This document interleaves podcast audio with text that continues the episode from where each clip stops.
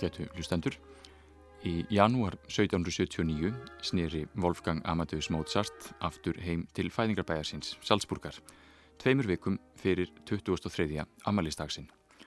Hann var bugaður eftir mislukkað ferðalag til Parísar, þar sem ætlunin hafði verið að næla sér í fasta stöðu.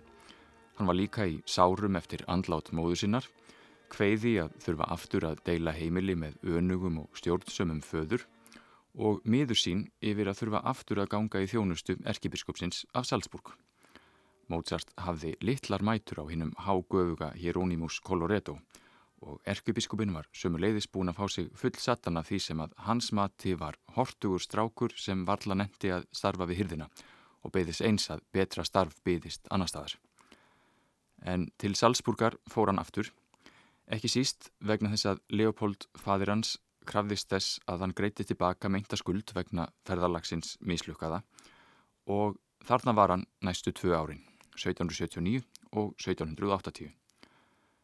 Þetta voru auðvitað ekki með öllu ónýtt ár, þótt Mozart hefði helst viljað verja þeim með öðrum hætti. Þarna var nefnilega til tölvert af meistaralega gerðri tónlist. Mozart var óðum að ná fullum þroska bæði personulega og sem listamadur og sumt það sem hann samti þessi ár stens samanburð við hitt allra besta sem hann gerði síðar á æfinni. Þess á meðal er eini konsertin sem hann samti þessi tvö ár sem hann dvaldist í Salzburg, Sinfonia Concertante eða Koncertsinfonia fyrir fiðlu og víólu.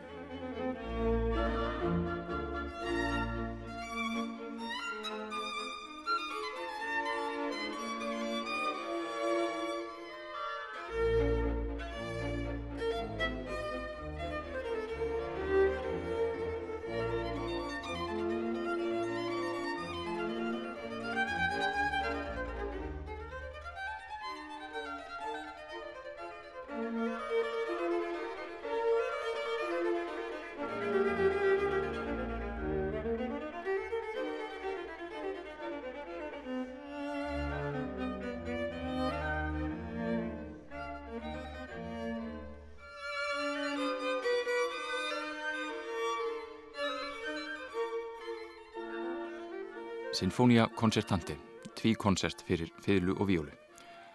Í þessari tónsmíð var Mozart líklega enn að vinna úr því sem hann hafði upplifað á fersinni til Parísar skomi áður.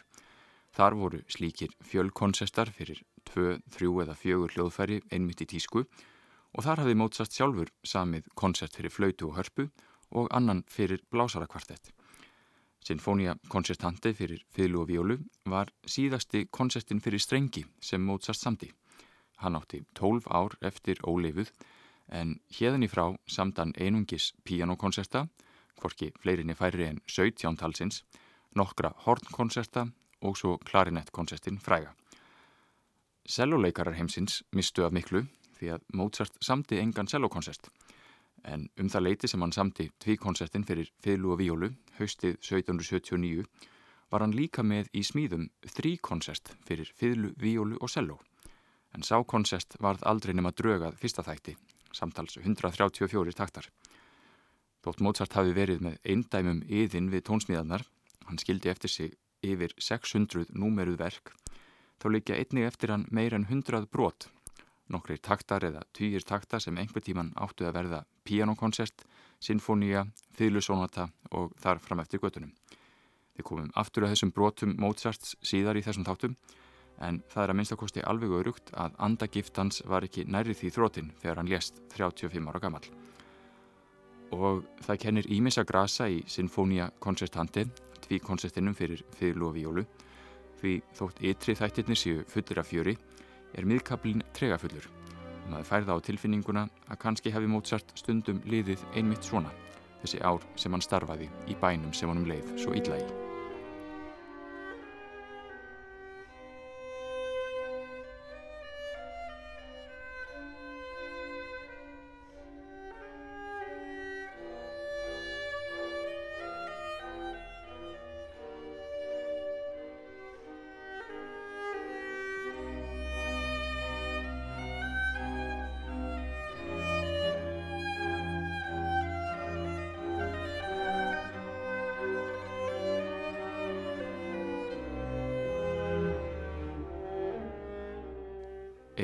Helsti vinnustadur Mozarts í Salzburg var Dómkirkjan en það gengd hann nú stöðu organista við hyrð erkibiskupsins. Elstu heimildir um kirkju í miðbæ Salzburgar eru frá 8. öld en glæsileg barokkkirkjan sem stendur þar nú var byggð á 17. öld. Fyrir þessa kirkju samti Mozart alls 16 latneskar messur og eins og síðasta þeirra er verk sem fekk snemma viðurnefnið Kríningarmessan ekki vegna þess að Mozart hafi samiðana til fluttnings við slíkt tilefni, heldur af því að rúmum áratug síðar var hún flutt við kríningu Leopolds annars keisara í Prag og undir stjórnmanns sem margir kannast eflaust við, það var sjálfur Antonio Salieri sem helt þar um taumana.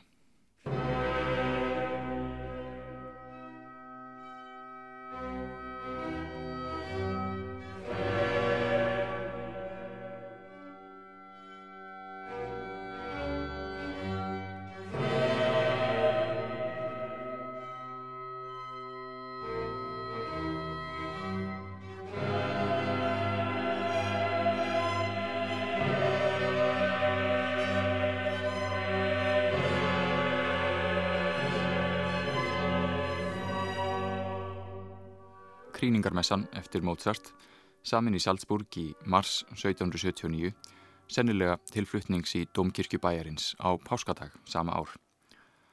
Frægasti þáttur þessara messu er hinn síðasti, Agnús Dei eða Óþú Guðs lamp sem burt ber heimsinn syndir miskuna þvós. Mozart tónsetur upphafið fyrir einsöngs sopran og hljómsveit og hér sem oftar sést að Mozart hafði einstaka náðargáfu þegar komaði að semja fyrir sópránrötina. Húnum tekst ofta að laða fram djúpa og einlæga tjáningu úr afar einföldum efniviði og þessi eiginleiki tónlistarinnar nýtur sín eiginlega hverki betur enn í sópranarium hans, hvort sem er í kirkutónlist eða óperum. Og þá má ég mitt nefna til gamans að upphafstaktarnir í Agnús Dei kabla kríningarmessunar hafa líklega enn verið að ringsóla í höfði Mozarts nokkrum árum setna því að upphaf Arjunar Dove Sono sem greifinjan syngur í brúðköpi Fíkarós hefst með svo að segja alveg sömu tónum.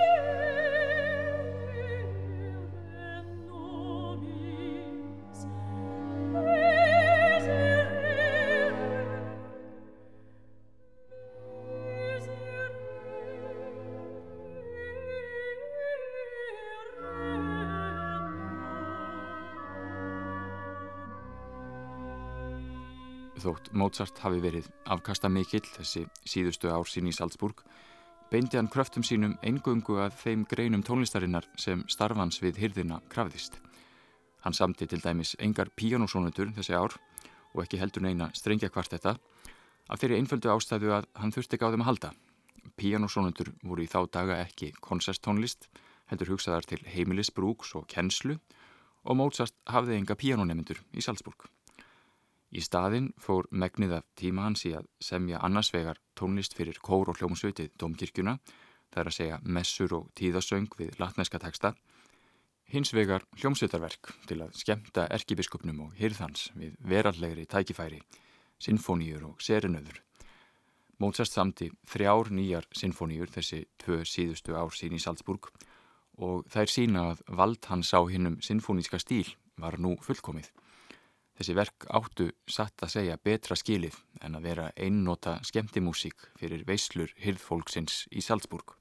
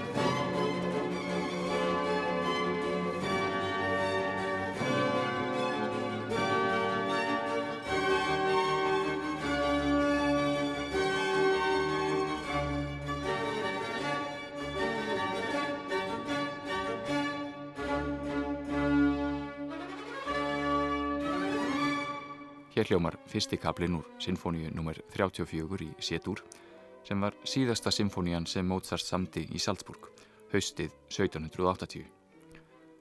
Það sem Mozart þótti einna verst við að vera búsettur í Salzburg var að þar var ekkert óperuhús og engin tækifæri til að láta að sig hveða í þeirri grein tónlistarinnar sem hann langaði helst til að spreita sig á. Þér vitið áskæri vinur hver Salzburg er mér viðustykkileg. Salzburg er hæfileikum mínum ósambóðin. Fyrst og fremst vegna þess hver tónlistarmenn er í litlu metum og í öðru lagi af því að þar er ekkert að heyra, ekkert leikhús, engar óperusýningar. Og þótt þess var í talin þörru, hverji myndu fást til þess að syngja þar? Raunar var það nú svo að á árunum 1779 og 1780 var óvinju mikið um leikús í bænum því að tveir farandleikópar höfðu þar vetursetu og buðu heimamönnum upp á úrval leikverka af ýmsum toga. Annars vegar var það hópur Jóhanns Böhm sem setti upp alvarleg og metnaðarfull leikverk meðal annars eftir Shakespeare, Voltaire og Corneille Hins vegar var það gamanleikflokkur sem maður að nafni Emanuel Sikaneter veitti fórstöðu. Sikaneter var fimm árum eldri en Mozart, hæfileikaríkur leikari frá Bæjaralandi sem gætt tekið að sér hvaða hlutverk sem var, allt frá Hamlet til léttra grín hlutverka og þeim Mozart var vel til vina þarna í Salzburg veturinn 1780.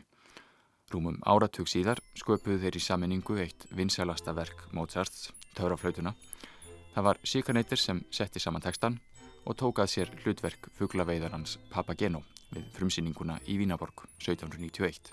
Ein Mädchen oder Wagen wünscht Papageno sich O so ein sanftes Bäuchen, wer Seligkeit in mich Wer Seligkeit in mich Wer Seligkeit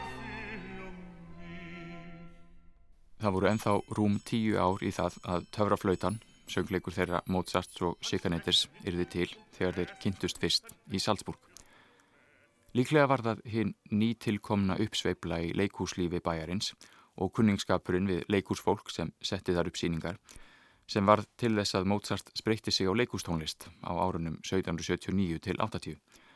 Afraksturinn var þó ekki heil ópera, heldur tvö smæri verkefni. Hið fyrra var tónlist fyrir leikhóp Böms til að fylgja leikritinu Tamos konungur Egiptalands. Þótt tónlistin heyrist sjaldan nú til dags er verkefnið á sinnhátt áhugavert því það er eins konar forsmekkur að tauraflautinni þar sem einnig er vísað í leindardóma Egiptalands til forna. Hitt leikúsverkið sem Mozart vannað á þessum árum var öllu metnaðarfyllra en hann laug því aldrei og það komst aldrei á svið. Sæde átti að verða þýskur söngleikur eða singspíl en verk af slíkum toga nutu sívaksandi vinsælda. Hér var talað á milli aria en ekki sungið frá upphafi til enda eins og í ítölskum og franskum óperum.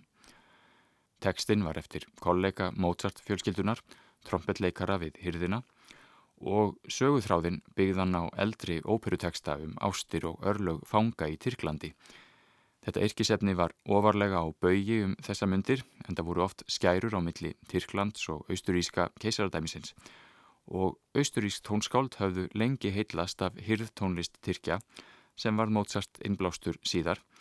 Hér er með öðrum orðum komin forsmekkur að óperunni Brottnámið úr Kvennabúrinu sem hann samti tveimur árum síðar. En sagan í Tsaite er öll hinn ólíklegasta. Ungur maður að nafni Gómats hefur verið hneftur í þrældóm söður í Barbaríinu og harmar mjög örlög sín. Sá sem hefur nú lífans í hendi sér er Súltanin Sólíman. Ein af meginum í kvennabúri Súltansins heitir Tsaide og hún er sögð vera eftirlæti hans. En hún fellur fyrir Gómats og hann sömuleiðis fyrir henni og þau flýja í saminningu. Súltanin er auðvitað ekki par ánæður með þessa þróun mála og mennans ná að handsama parið en einmitt hér endar handrit Mozarts og framhald sögunar er því nokkuð óljóst. Væntanlega hefur þó allt farið vel að lokum og ástinn sigrað eins og hún gerði nú yfirleitt í óperuhúsum átjöndu aldar ólíkt því sem gerðist á nítjöndu öld þegar hinn harmrænu endalokk náðu tökum á óperuheiminum.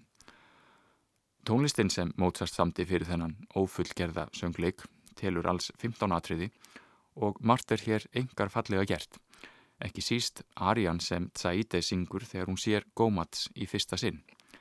Hann sefur vært og hún ákveður að raska ekki róans, heldur skilur hún eftir hjá honum mynd af sér og sömuleiðis bref þar sem hún byður hann að finna sig setna. Rúi sanft, syngur hún, sofðu lífið mitt fagra, þar til gæfaðinn vaknar á ný.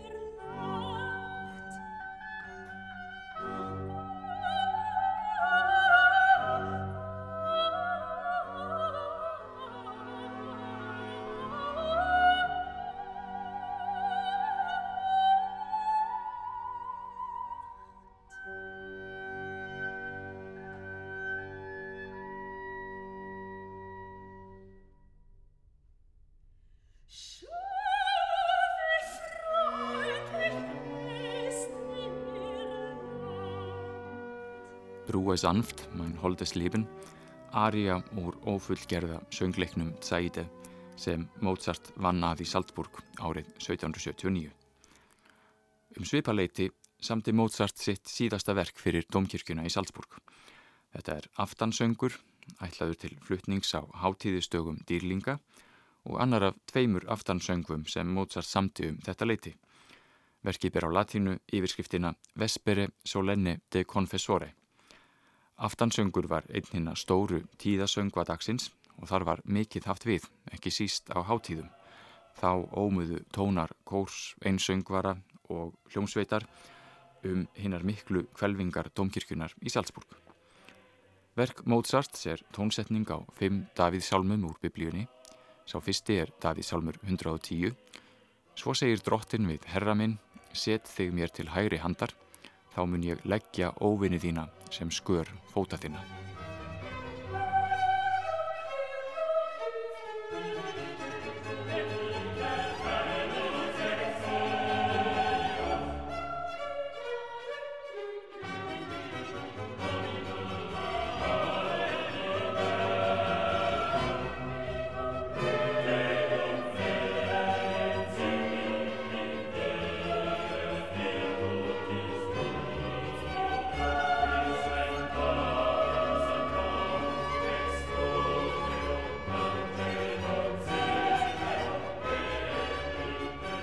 Frægasti kapli þessa tíðasöngs er sá næst síðasti, þar sem Mozart semur einmitt fyrir einsöng sopran, rétt eins og í Agnús Dei þætti kríningarmessunar sem hljómaði hér áðan. Rétt eins og þar er tónlistin alltaf því tímalauðs í upphöfnum einfallleika sínum. Þetta hlýtur að vera einhver fegursta kirkjutónlist sem var til, allt frá því að Jóhann Sebastian Bach lést. Laudate Dominum syngur sopraninn, tekstinn er Davíð Salmur 117 lofið drottin allar þjóðir, veksamið hann allir líðir.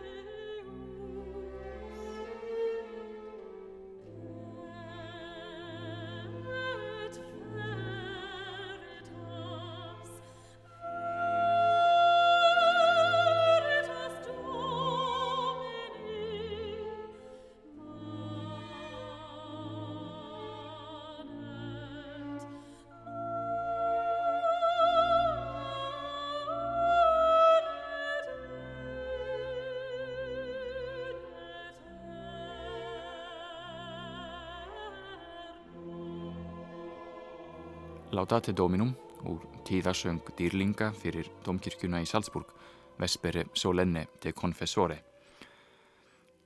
Þessi síðustu ársín í Salzburg var Mozart ekki síst bitur yfir því að fá engin tækifæri til að semja stórar óperur, en árið 1780 hljóp loksins á snærið.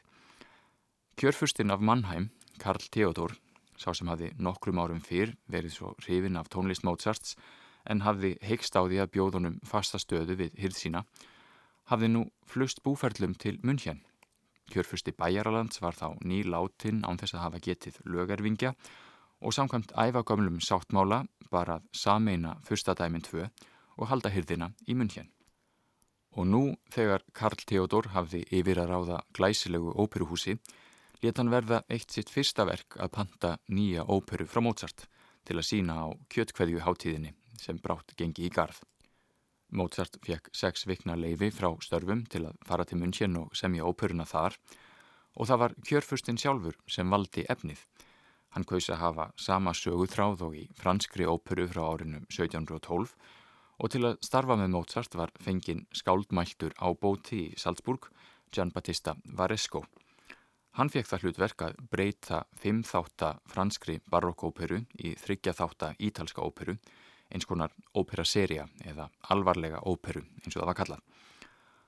Þessi ópera gengur í dag yfirleitt undir heitinu í Domineo en fullt heiti hennar er í Domineo Re di Creta, í Domineus konungurinn af Krít. Það voru liðin fimm ár frá því að Mozart samti síðast óperu í fullri lengt og framfarinnar eru ekkert minna en stórfenglegar. Í Domineo er elsta ópera Mozarts sem enn er sínd í óperuhúsum um allan heim en það er hún meistaraverk frá dramatísku sjónamiði og hún var tvímælalaust einn áhrifamesta ópera sem samin hafi verið um langt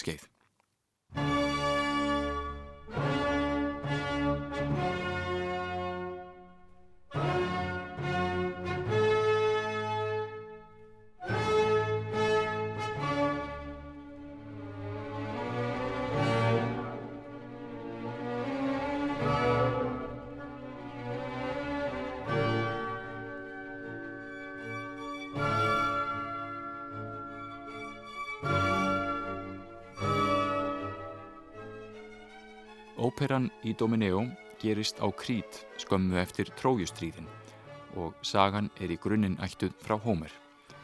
Í Domineus hefur lendi miklum sjávarháska á leiðsynni frá tróju og í örvæntingu sinni hefur hann heitið sjávarguðinum Neptunusi að komist hann lífs af muni hann fórna guðunum þeim fyrsta manni sem verður á vegi-hans eftir að hann kemst á land. Slíkt lovorð getur ekki annað en dreyið dilka á eftir sér og viti menn hver er að þvælast á ströndinni þegar Ídomeneus rankar þar við sér heldur en sonur hans, Ídamante. Þetta er nú það síðasta sem Ídamante þarf á að halda því að tilvera hans hefur verið í flóknara lægi undanfarið. Hann er nefnilega ástfangin af prinsessunni Ília sem er dóttir trójukonungs og því óvinnur ríkisins en önnur prinsessa er aftur á móti ástfangin af honum. Það er Elektra sem er dóttir gríska konungsins Agamemnons. Eftir að Ídomeneus gerir sér grein fyrir henni hörmulegu stöðu sem uppur komin, að hann þurfi að fórna sinni sínum, leitar hann ráða hjá færustu lögspekingum sem segja að hugsanlega megi fórna öðrum í stað Ídamante með því skilirði að hann sé sendur í útlegð í staðin. Sjávarguðin Neptunus sættir sér illa við þessi svik og áður en skip Ídamantes leggur úr höfn gerir mikið óveður og óurlegt sjávarskrimsli byrtist. Ídamante gerir sér lítið fyrir og drepur skrimslið og í lok þriðja þáttar nást sögulegar sættir. Neptunus fælst á að Ídomeneus afsali sér konungdómi og að Ídamante og Ília taki við krúnunni. Allir eru því tilturlega hamingjusamir þegar tjaldið fellur nema Elektra sem fjekk ekki mannin sem hún elskar og sem þráir nú ekkert heitar en eigin dauða. Það sem gerir þessa óperu svo áhrifamikla er ekki síst persónusköpun Mozart, hvernig hann tekst í gegnum tónleistina að skapa trúverðugar persónur á sviði. Þetta á við um allar persónur óperunar en kannski ekki síst hinn að ílgjörnu elektru. Hún er hreinlega æf þegar hún átta sig á því að ráðabrugga hennar um að kvænast prinsinum mun ekki ganga upp og minnir til skiptis á tvær aðrar óurlega reyðar konur í óperum Mozarts, Elvíru í Don Giovanni og næturdrottninguna í töfraflutinni.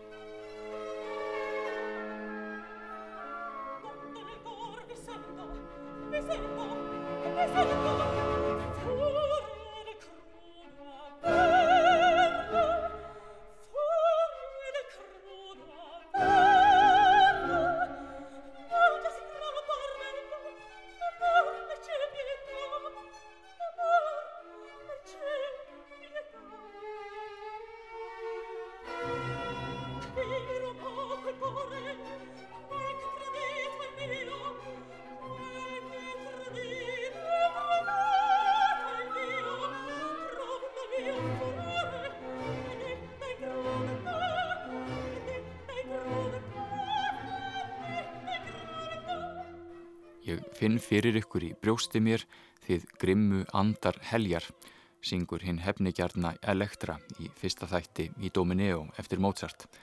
Ást og miskunnsemi á engan stað í hjarta mínu, bætir hún við. Annað dæmi um áhrifamikla persónusköpur Mozarts í þessari óperu er kvartettin í öðrum þætti, þar sem fjórar líkilpersonur tjá tilfinningar sínar á sama tíma.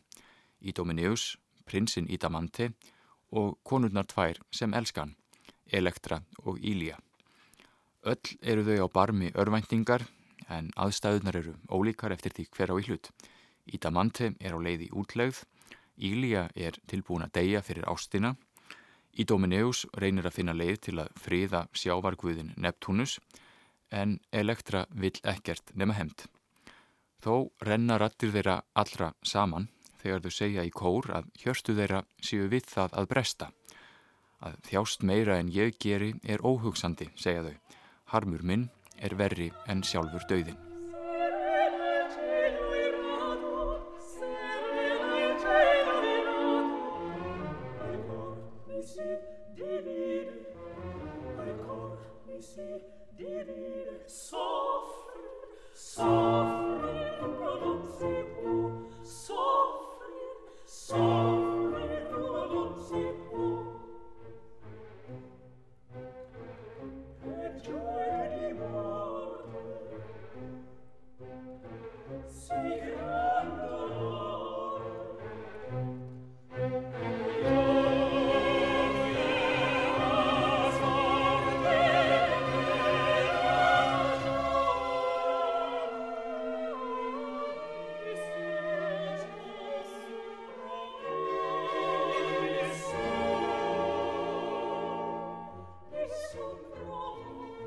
Kvartett úr óperunni í Domineo sem er fyrsta óumdeilanlega meistaraverk Mozarts í þessari grein tónlistarinnar samið fyrir óperuhúsið í München þegar hann var rétt að verða 25 ára gammal.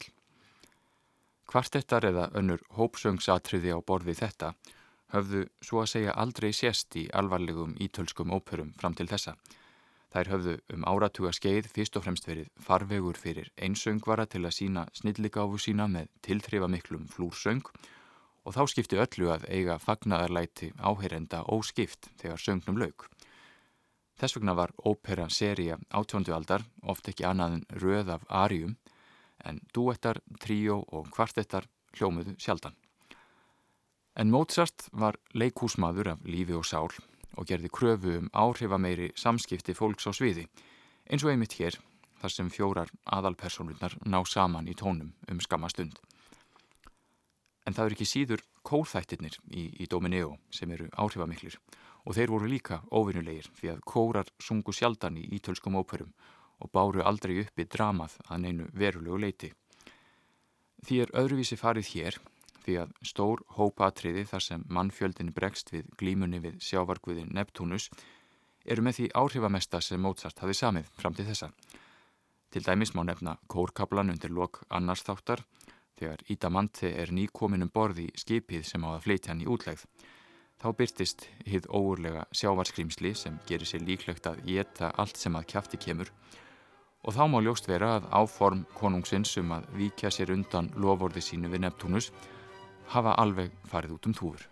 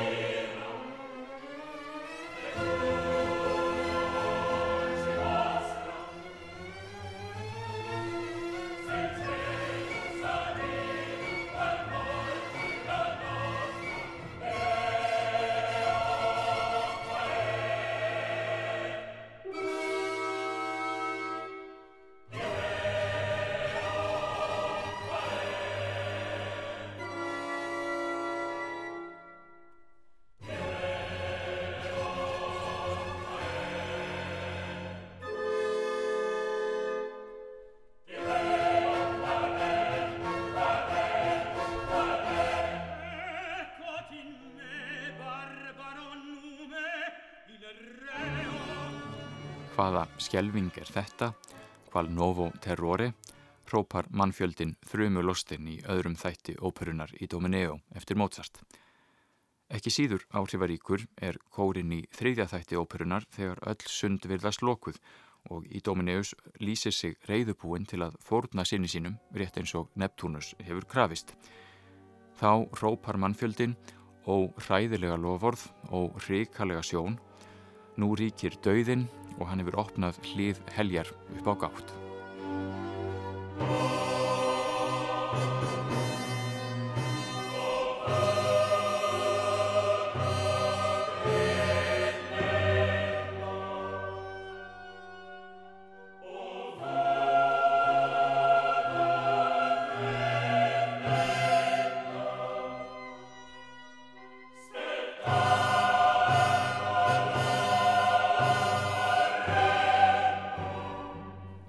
Tónlist af þessum toga sem gerir óperuna í Domineo að tímamótaverki ekki aðeins á tónsmíðaferli Mozart heldur í óperusögu átjóndualdar. Hér var komið tónskáld sem tók hinnar dramatísku óperur eftir til dæmis Rameau og Gluck skrefinu lengra. Hafði fullkominn skilning ekki aðeins á tónlistinni heldur einnig hinnu leikræna og samspili þessar að tvekja þátt á sviði.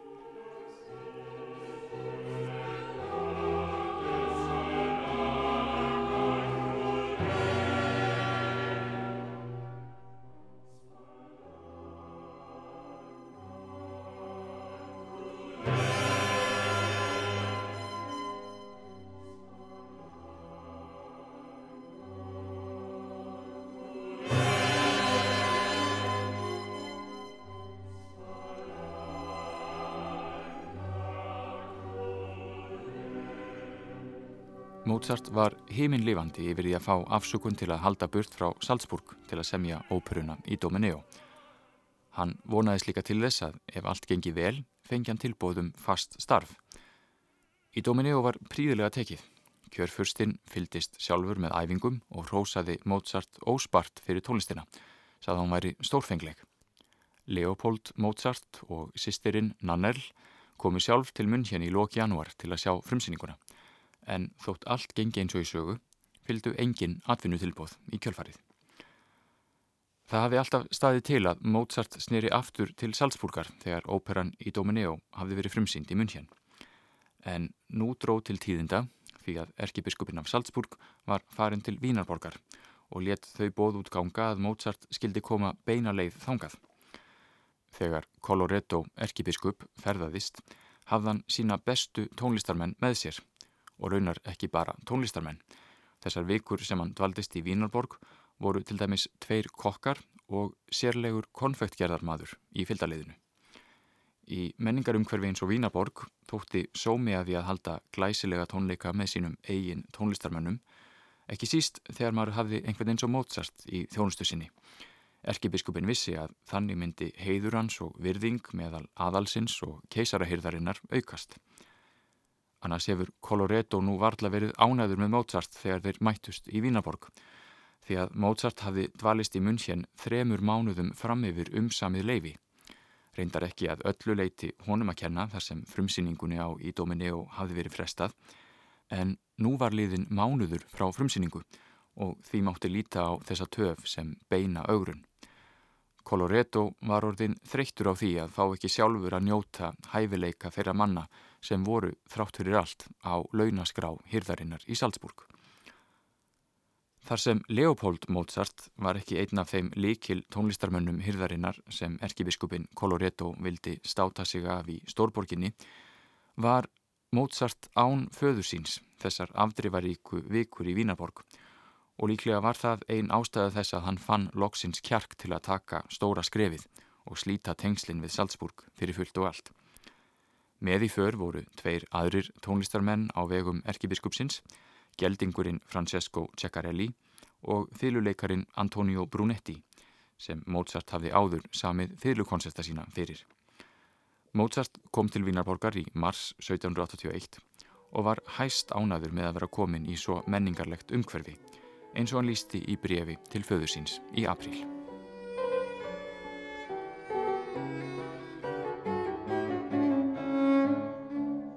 Ég er svo hamingjusamur hérna.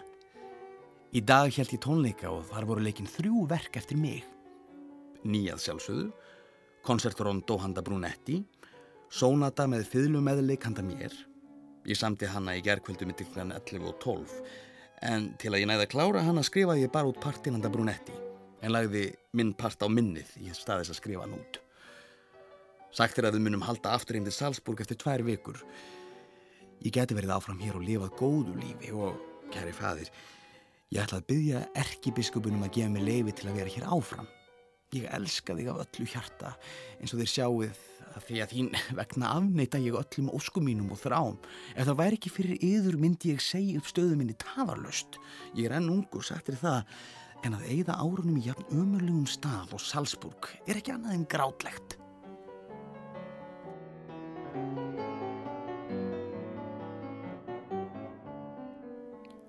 Sónatan sem hér hljómar er einmitt svo sem Mozart samti handa koncertmeistaranum Brunetti en mátt ekki vera því að festa á blað nema að hluta. Hún var frumflutt af þeim tveimur á tónleikum sem Coloretto erkibiskup helt föður sínum til heiðurs í Vínarborg hinn 8. apríl 1781. Leopold Mozart gaf lítið fyrir þann draum svonarsins að dveljast áfram í Vínarborg og spreita sig sem sjálfstætt starfandi tónskáld ef ekki vildi betur til. En Mozart var sífælt ósáttari við hlutskipti sitt sem þjóðn erkebiskupsins og smám saman var það ljóst hvert stemdi. Mozart vildi ekki lengur láta skipa sér fyrir og hann heimtaði aukagreðslu fyrir tónleika þar sem honum var skipað að koma fram fyrir aðalinn en það notaði Coloretto hann óspart í þeim tilgangi. Dægin sem Mozart kom til Vínarborgar var hann gert að spila á tónleikum fyrir 20 aðalsmenn, næsta dag fyrir Galítsinn Prins sem var sendiherra Rúslands og tvennir tónleikar til viðbótar bættust við á næstu dögum. Mozart varð líka æfur þegar erkibiskupin kom í veg fyrir að hann gæti spilað á tónleikum á heimili Greifinjunar tún þar sem sjálfur keisarin var viðstatur. Að koma þar fram hefði getað opnað Mozart ímsar dýr við hyrðina. Að vissuleiti var það skiljanlegt að Coloretto erkibiskup vildi hafa heimil á starfsfólki sínu og ráðaði sjálfur hvar og hvenar það kæmi fram. En Mozart var engin venjulegur starfsmæður. Hann ætlaði sér stóra hluti í borginni og let ekkert stöðva sig. Í mæ var loks komið að endanlegu uppgjöri þegar Mozart átti fund með Arko Greifa sem var hyrðhaldstjóri erkibiskupsins og hafði öll starfsmannamál á sinni kunnu.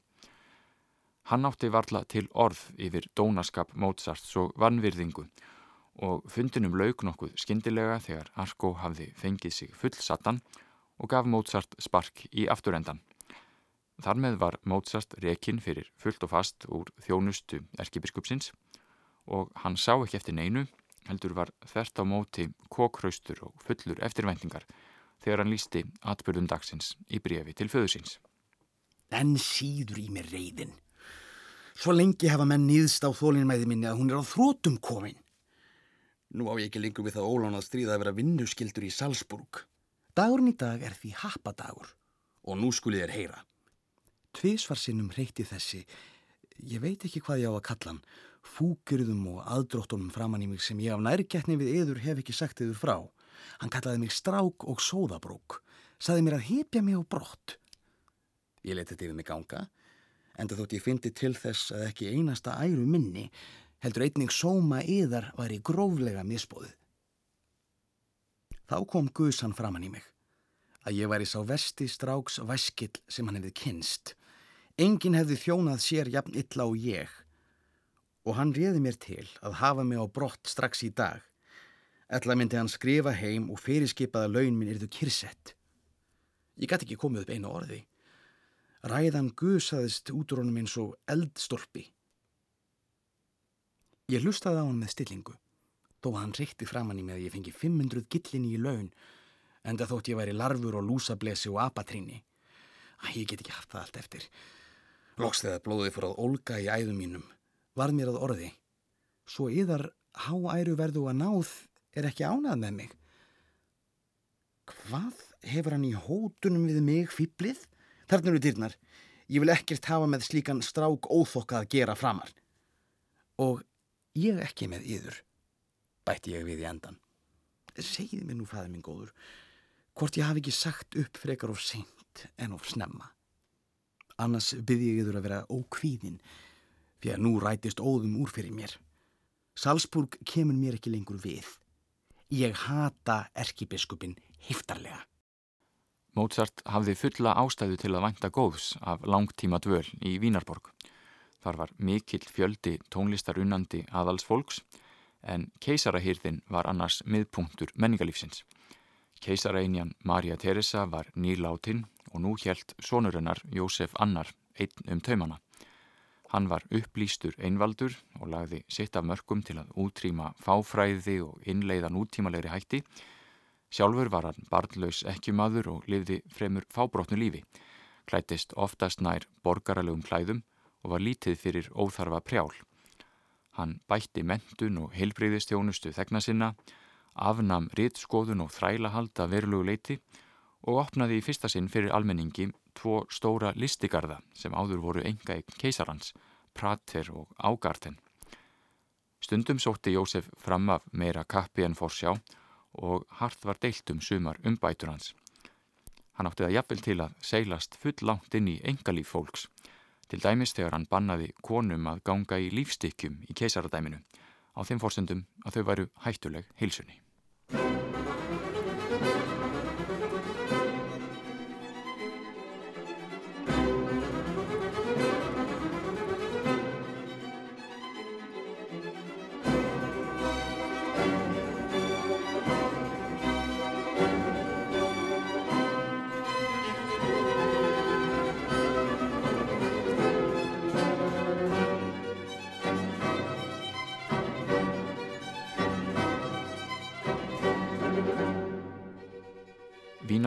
Var stórborg á mælikvarða átjóndveldar og hún reynlega kröymaði af lífi og list. Þar byggu um 200.000 manns og tónlist hljómaði svo að segja á hverju göduhorni og auðvitað líka í höllum aðalsfólksins sem helt úti jafnvel heilu hljómsveitunum. Helstu yfirmenn hyrðtónlistarinnar voru flestir ítalskir. Aðal tónskáld keisarakapellunar var Giuseppe Bonno sem áður hafði verið afkastamikið óperuskáld en samti nú aðalega kirkjutónlist. Hann var 70 að aldri og því gætt Mozart hugsanlega gerst sér vonir um að verða eftirmaður hans. Yfirmaður ítölsku óperunar var annar ítali, Antonio Salieri. Meira um hann síðar í þessum þáttum. Það allir Mozart stundum gremju að keisarin skildi hafa svo mikið dálæti á ítölskum tónlistamennum. Landamærin í tónlistinni voru afgerandi á átjöndu öld og það kom fyrir að Mozart fann fyrir fordómum þeirra sem trúðu því að engir nema ítalir getu samið góðar óperur. En hvað sem því leið, í Vínarborg var nóg af óperuhúsum og því nægt tækifæri fyrir metnaðarfullt óperutónskáld, eða svo skildi maður ætla.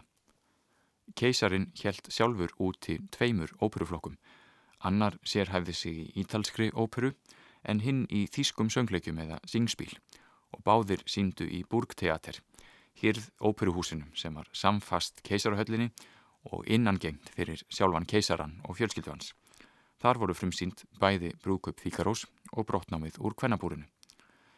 Í útkverfum borgarinnar voru svo leikhús sem höfðu léttari síningar á bóðstólum fyrir alltíðuna, söngleiki og gamanleikrit á þýsku. Eitt slíkt leikhús var í Leopoldstadt og annað í Víden, kallað Teater Áfter Víden, og þar var einmitt töfraflautan frumsýnd árið 1791. Sem sagt, nóg af tækifærum, en fyrst þurfti Mozart auðvitað að sanna sig fyrir leikústjórunum og ekki síst sjálfum keisaranum.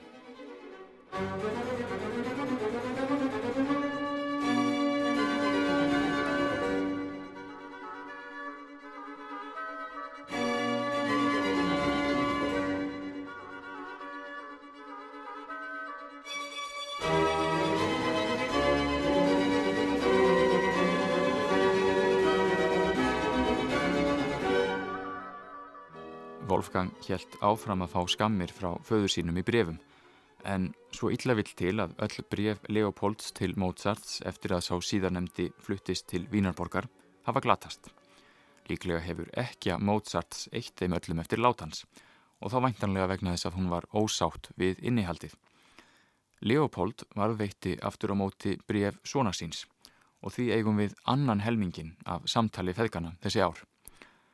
Það er ljóst af þeim brefum sem hafa varðveist að Wolfgang var hissa og sár yfir skömmum og dilgjum föður síns. Millir línana má lesa að Leopold hafi sakað hann um að vera áslausan svon og að með gjörðum sínum væri hann að þórna framtíðar heil fjölskyldunar fyrir stanslausan gleðskap í stórborginni.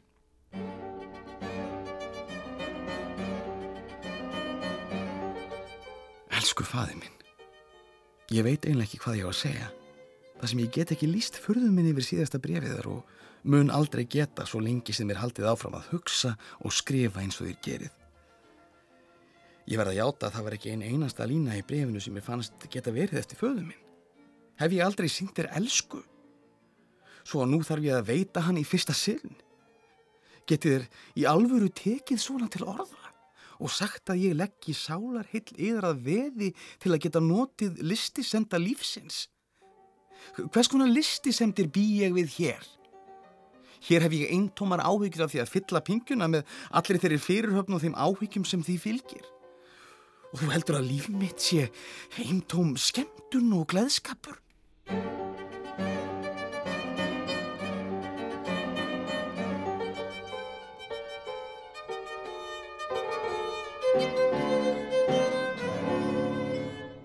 En þrátt fyrir endalöysar ásakanir og ávítur föður síns, helt Mozart sínu striki. Hann hefði engu að tapa og allt að vinna.